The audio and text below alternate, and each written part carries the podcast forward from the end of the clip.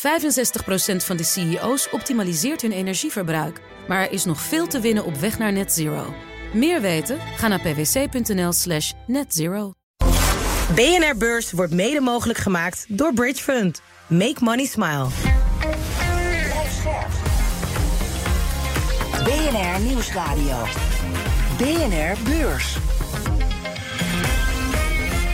Jelle Maasbach. Ja, hallo daar. Goed dat je weer luistert naar ons. De komende tijd is hier goed voor heel veel kwartaalcijfers en dan de beursnieuws. Het is dinsdag 30 januari, de dag dat vriend van de show Elon Musk ineens anders in het nieuws komt. Een bedrijf van Elon Musk heeft voor het eerst een chip ingebracht in de hersenen van een mens. Op die manier kan het brein communiceren met een computer. Met zo'n hersenimplantaat wordt het voor bijvoorbeeld verlamde mensen weer mogelijk om hun spieren te bewegen en voor blinden om hun zicht terug te krijgen. Als we kijken naar de AX, die sloot nipt hoger, 820 punten en een beetje. Exor, de grootste stijger, plus van 1,8 procent. En we gaan de beursdag doornemen. En daarvoor hebben we zwaar geschut ingezet. Mr. Beurs himself, Corné van Zijl van Cardano. Straks hebben we het over meerdere beursgangen die niet doorgaan. En beide hebben te maken met elektrisch rijden. Zoals deze van Ampère. Renault shares had a wild ride, soaring as much as 4.5%, only to then fall back. Investors initially moved in after the French firm cancelled plans to list its electric vehicle business, Ampère. The carmaker blamed sluggish stock market conditions for ditching the idea. Of je weg moet wezen uit aandelen van elektrische autobouwers, dat hoor je zo. Maar eerst het andere nieuws. Corné, welkom. Wat was uh, jouw nieuws van de dag? Ja, toch eigenlijk wel het, uh, het nieuws dat. Uh, ik heb eigenlijk twee. Dat we, ja, vandaag is toch wel. Ik zit met beschuit met muisjes aan tafel. Ja, we hebben de eerste cyber, cyborg is eigenlijk geboren. Dat ja, meneer Musk nu toch echt wel iemand met een hersenimplantaat heeft. Wat denk ik waar we nog lang naar uh, terug gaan, uh, gaan uh, denken. Dus 30 januari 2024 zal toch wel een, een, dag worden om, om terug naar te kijken. In de goede of in kwade zin. Daarnaast vind ik toch ook wel heel bijzonder dat Booking.com is verordeneerd om de achterstallige pensioenkosten te betalen. Het is gewoon een toeristenbedrijf en die moeten gewoon bij het pensioenfonds worden aangesloten. Um, en dan zie je dat het toch wel een mooi voorbeeld is. Wat een, een, het is een heel mooi techbedrijf. Maar die moeten zich wel aan de regels houden. Zoals alle bedrijven zich aan de regels moeten houden. En moeten dus ook pensioenpremie afdragen aan het pensioenfonds voor hun werknemers. En zo hoort het ook. En even nog uh, sinds 1999 nog een paar honderd miljoen uh, terugbetalen. dat is een flinke kostenpost. Ja, 405 miljoen. Ik, het is een, een, iets van 8% van de totale winst uh, van het afgelopen jaar. Dus dat, nou ja, dat hadden ze eigenlijk al lang moeten doen. Dus ik vind het er wel terecht. En ze zullen wel weer gaan klagen en in het mm. nieuws komen. Ja, dan gaan we weg. En in andere landen is het allemaal beter. Dat zij zo. Maar hier in Europa gelden de Europese regels. En daar moet je je aan houden. Wil ik het hebben over de records op Wall Street van de afgelopen weken. Daar gaat het heel erg lekker. It was a good record day for the Dow and the S&P 500. That sent the stock market soaring to an all-time record high. The Dow stock index jumped more than 500 points yesterday, landing above 37,000 for the first time ever. That's what a record is. And who would have thought that tech would be the leader in January of 2024? Everyone thought, well, it couldn't two years in a row. You can't have Nvidia up 200% again. And yet that is exactly what's happening. Ja, en de reden dat die beurs het zo goed doen, niet de economische cijfers of het beleid van de Federal Reserve. Nee, het komt door Donald Trump. Volgens de oud-president is hij de reden dat het zo goed gaat. Dit is de Trump-aandelenmarkt, typt hij in caps lock. Beleggers zouden aandelen inslaan omdat hij in de polls voor ligt op Joe Biden. En beleggers denken dat Trump de presidentsverkiezingen gaan winnen. Eerder zei hij trouwens ook nog dat de markten zouden crashen als hij niet zou winnen. Ja, Corné, doet de beurs het inderdaad zo goed omdat beleggers uitgaan van winst van Trump? Nou, laat ik in ieder geval gaan kijken hoe de beurs heeft gereageerd uh, ten tijde van de Trump-win uh, in 2016. Toen zag je inderdaad dat de koersen omhoog gingen. Besaldo was het vierde kwartaal goed voor een uh, stijging van 3,5 procent. Als we gaan kijken toen Joe Biden won en Trump dus verloor in het vierde kwartaal van 2020, toen gingen de koersen met 12 procent omhoog. Hmm. Um, en dat komt om de simpele reden dat Joe Biden uh, veel beter voor de economie is. Dat gaat wel ten koste van de staatsschuld. En wat Trump heeft gedaan was ook goed voor aandelen. Want dat, hij heeft natuurlijk de belasting verlaagd. Uh, dat is ook slecht voor de staatsschuld. Um, maar dat is wel goed voor de winsten van die bedrijven. En die zijn op een, een substantieel hoger niveau gekomen daardoor. Omdat ze gewoon permanent minder belasting gaan betalen. Ik weet niet of het goed voor de maatschappij is. Maar het is wel goed voor de, de bedrijven die in die index zitten. Dus in dat opzicht heeft hij gelijk. Ik heb wel even gekeken hoe de winsten ze hebben uh, ontwikkeld. Uh, tot op heden staat Joe Biden op plus 48 uh, procent. En staat Trump over zijn hele periode op plus 27 slechts. Maar die had in het laatste jaar wel het coronajaar te pakken. Dus. Dan uh, naar de medeoprichter van Netflix, Reed Hastings. De oud-CEO is vrijgevig. Hij heeft meer dan een miljard dollar aan Netflix-aandelen weggegeven. Het gaat om een stichting die geld geeft voor betaalbare woningen... aan arme kinderen en bij natuurrampen. Een paar jaar geleden doneerde hij al 120 miljoen... voor het toelaten van meer zwarte mensen op universiteiten. Hij geeft trouwens ook veel geld uit aan zijn eigen plezier. Vorig jaar kocht hij in de staat Utah een berg. Dat is het grootste ski-resort van de VS. Dat is wat voor jou, Corné. Voor 100 miljoen dollar kreeg hij 8500 hectare met 54 paden, 9 liften en twee terreinparken. En dan nog even felicitaties aan Toyota. Voor het vierde jaar op rij zijn de Japanners de grootste autobouwer van de wereld. In 2023 werden er 11,2 miljoen auto's verkocht. En dat is een record. Vooral het merk Toyota en Lexus deden het erg goed. Nou, als je dan kijkt naar type auto, dan gaat het echt om de hybride modellen die het goed doen. Daar was sprake van een toename van dik 30 procent. En dat is een knappe prestatie, zegt Nout Broekhoff van de Autoshow. Ja, ik denk dat dat ook de crux is van het succes. Ze leveren uh, nog altijd uh, veel hybrides. En ja, daar zijn ze gewoon hartstikke goed in. Dus uh, de CO2-uitstoot van die auto's is nog altijd lager dan auto's met alleen een verbrandingsmotor. En ja, daardoor heb je nog altijd veel voordelen wereldwijd. Dus daar profiteert Toyota nog steeds van. Je hoort zo welke belegger een verlies van 160 miljard dollar heeft omgebogen in een dikke winst van dik 200 miljard dollar. Renault trekt de stekker, sorry voor de woordgrap, uit de beursgang van Ampère. Dat is een onderdeel dat zich richt op elektrische auto's. Amper twee maanden geleden was er een speciale beleggersdag met grote ambities. The French carmaker said the unit, dubbed Ampère, expects revenues of close to 11 billion dollars by 2025. Maar daar komen ze nu op terug. Volgens de Fransen zitten beleggers simpelweg niet meer te wachten om hun geld in dit soort bedrijven te stoppen. De vraag naar elektrische auto's zwakt af, zegt Renault. En ook Volkswagen ziet, al is het nog niet bevestigd, af van het beursplan voor hun accu-onderdeel. Vorige week waarschuwde ook al Tesla voor een teleurstellende verkoop. En greep Polestar in en ontsloeg honderden mensen. als je dit allemaal zo hoort achter elkaar, Corné, dan ziet het er niet heel best uit voor die uh, sector, hè? Nee, inderdaad. Het is wel een beetje het uh, ja, op inzetten op uh, grijpen van marktaandeel. En waarbij je dus wat overcapaciteit hebt, zoals bij Polestar. Maar het is gewoon nu een vechtmarkt geworden. en ja, bijzonder is dat Tesla is bijvoorbeeld daar zelf als eerste mee begonnen. En heeft daar nu ook het meeste last van. Logisch als je de grootste bent. Nou, niet meer natuurlijk, want dat is BYD nou geworden. Maar ja, als zelfs Huawei heeft aangekondigd, dat is toch een telefoontjes maken, mm -hmm. om met een auto te gaan komen dat geeft wel aan dat het eigenlijk tegenwoordig blijkbaar niet meer zo moeilijk is om een elektrische auto te maken. En met die enorme prijsdaling, dus wordt het heel wat moeilijker om daar uh, geld mee te gaan verdienen. En het grappige is. Ja, dat Ampère, uh, Renault had gedacht, daar gaan ze iets van uh, 10 miljard voor krijgen. Of in ieder geval de beurswaarde dan. Ja. De huidige beurswaarde van heel Renault is 10 miljard.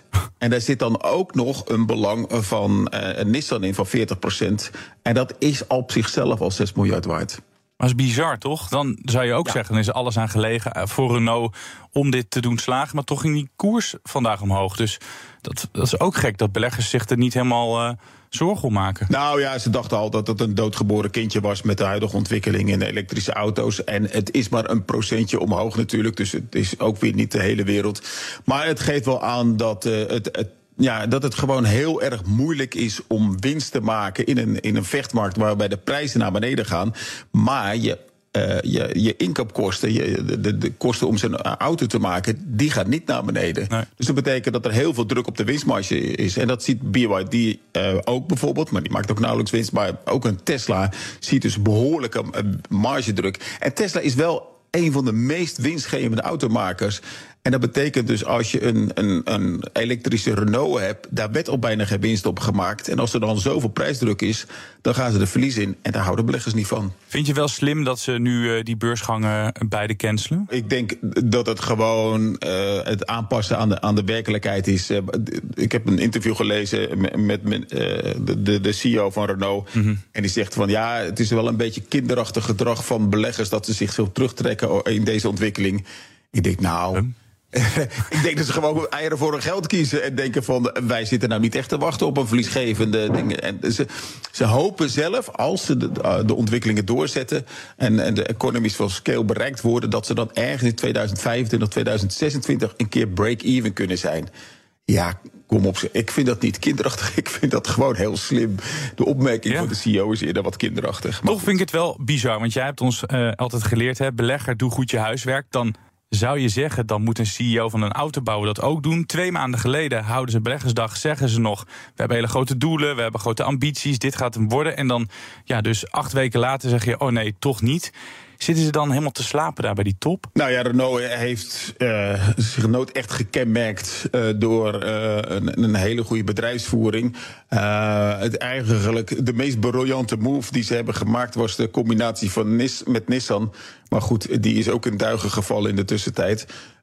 en ja, dat, dat was eigenlijk de, de beste periode waarbij de Japanse kennis en de know-how van productie kan combineren met de Franse flair. En dat, dat, dat leverde wel goede resultaten op. Maar ja, dat is dus ook niet meer. En dan zit je eigenlijk met een matige autoproducent van auto's die eigenlijk niemand wil hebben. Sorry voor de Renault-rijders die ik nu beledig. maar ze blinken nou niet echt, ook echt uit in, in de overmatige kwaliteit. Dus ja, ik kan me wel voorstellen dat ze in een moeilijk pakket zitten. Dat had je acht weken geleden ook kunnen bedenken. Ja, maar toch zegt Renault zelf van beleggers hebben geen trek meer in elektrische aandelen. Denk je dat dat inderdaad het geval is? Want Tesla die is somber, Volkswagen is dus somber, en Polestar is somber. Is het inderdaad dat beleggers geen zin meer hebben voorlopig in die, uh, in die elektrische aandelen? Nou, dat is zeker zo. Je ziet dat alle elektrische automakers uh, gewoon in koers gedaald zijn en, en de echt hele prille ontwikkelingen, uh, on, uh, automakers. Daar zijn er al een paar van failliet gegaan of, of nagenoeg dood. Ja, en die prijsconcurrentie is een jaar geleden begonnen. Op zich een beetje als, als belegger als er zo'n enorme golf met prijsconcurrentie komt, dat niemand daar beter van wordt. Ja, en nu zie je de gevolgen daarvan. Maar dat had je een jaar geleden ook wel kunnen bedenken. Moet je dan ook maar even van dit soort uh, Tesla's, Polestars en die andere aandelen afblijven? Nou, de koersen zijn al lekker naar beneden gegaan. Dus uh, wat dat betreft dat wel, ja. bijna net zo hard als die van de auto's zelf. Maar je moet als belegger altijd vooruitkijken. En als je gaat kijken van ja, hoe gaat deze prijsconcurrentie verder? Ja ik denk dat het voorlopig niet zal ophouden. En zeker nu de markt een beetje uh, wat minder groeit, dat die prijsconcurrentie eerder steviger zal worden. Het is op zich ook wel bijzonder dat je ziet dat zelfs een Elon Musk nu oproept tot importtarieven uh, voor uh, goedkope elektrische auto's.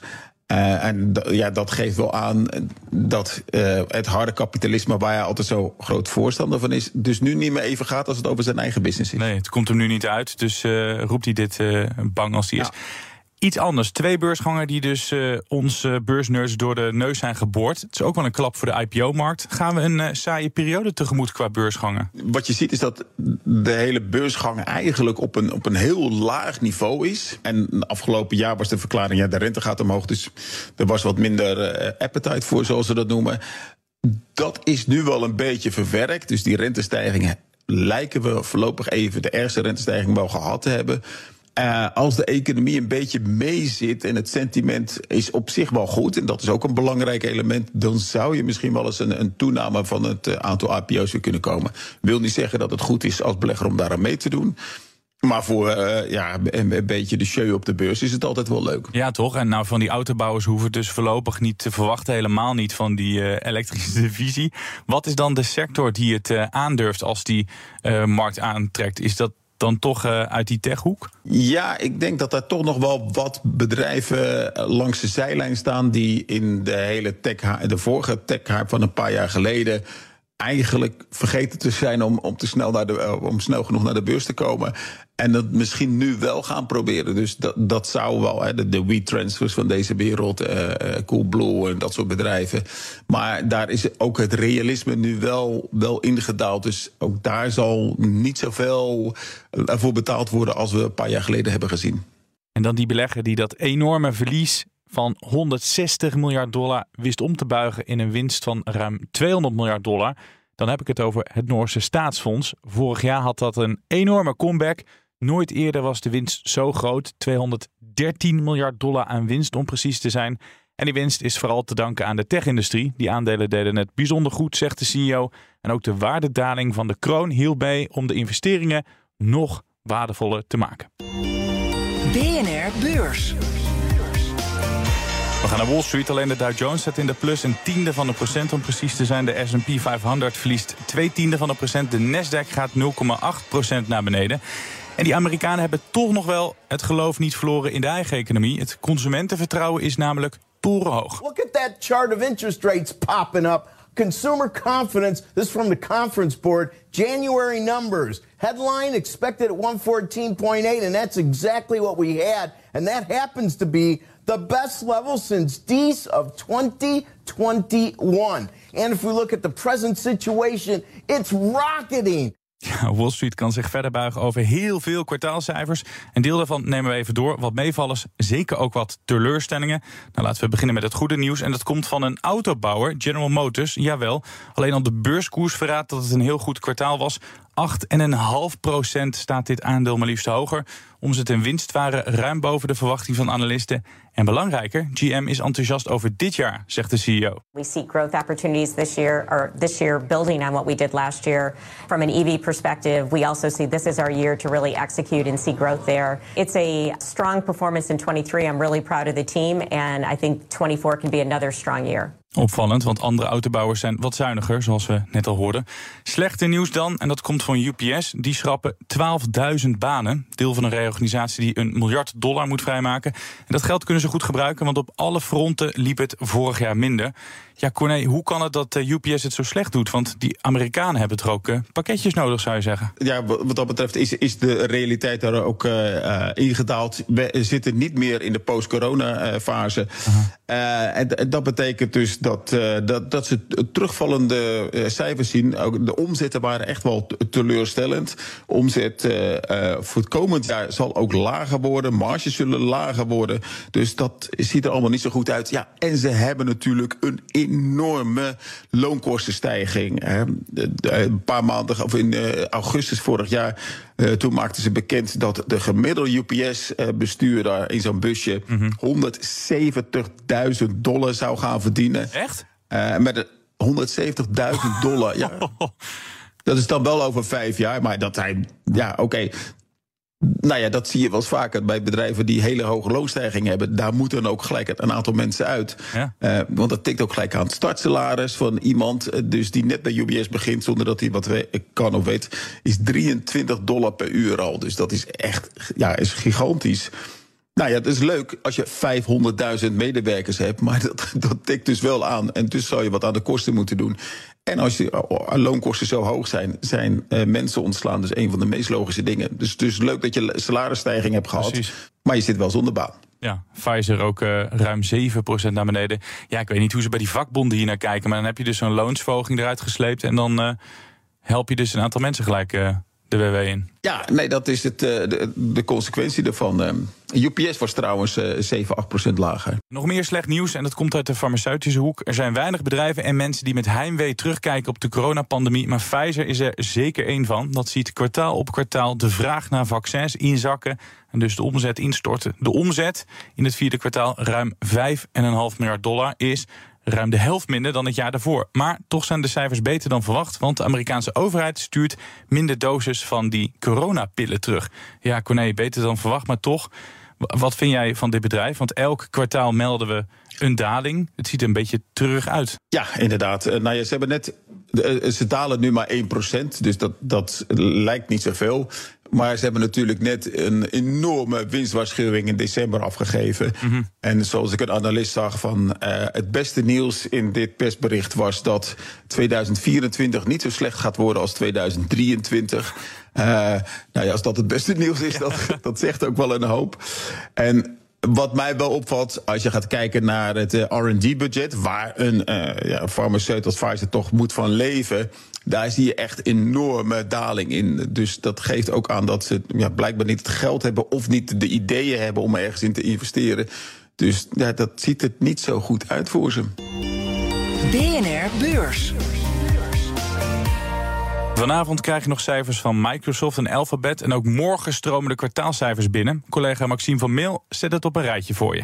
Van eigen bodem komen de resultaten van KPN. Dat presenteerde drie maanden terug nog trots groei op bijna alle fronten, ondanks de keiharde concurrentie in de telecomsector. Het behouden van de klant blijft wel hoog op de prioriteitenlijst staan.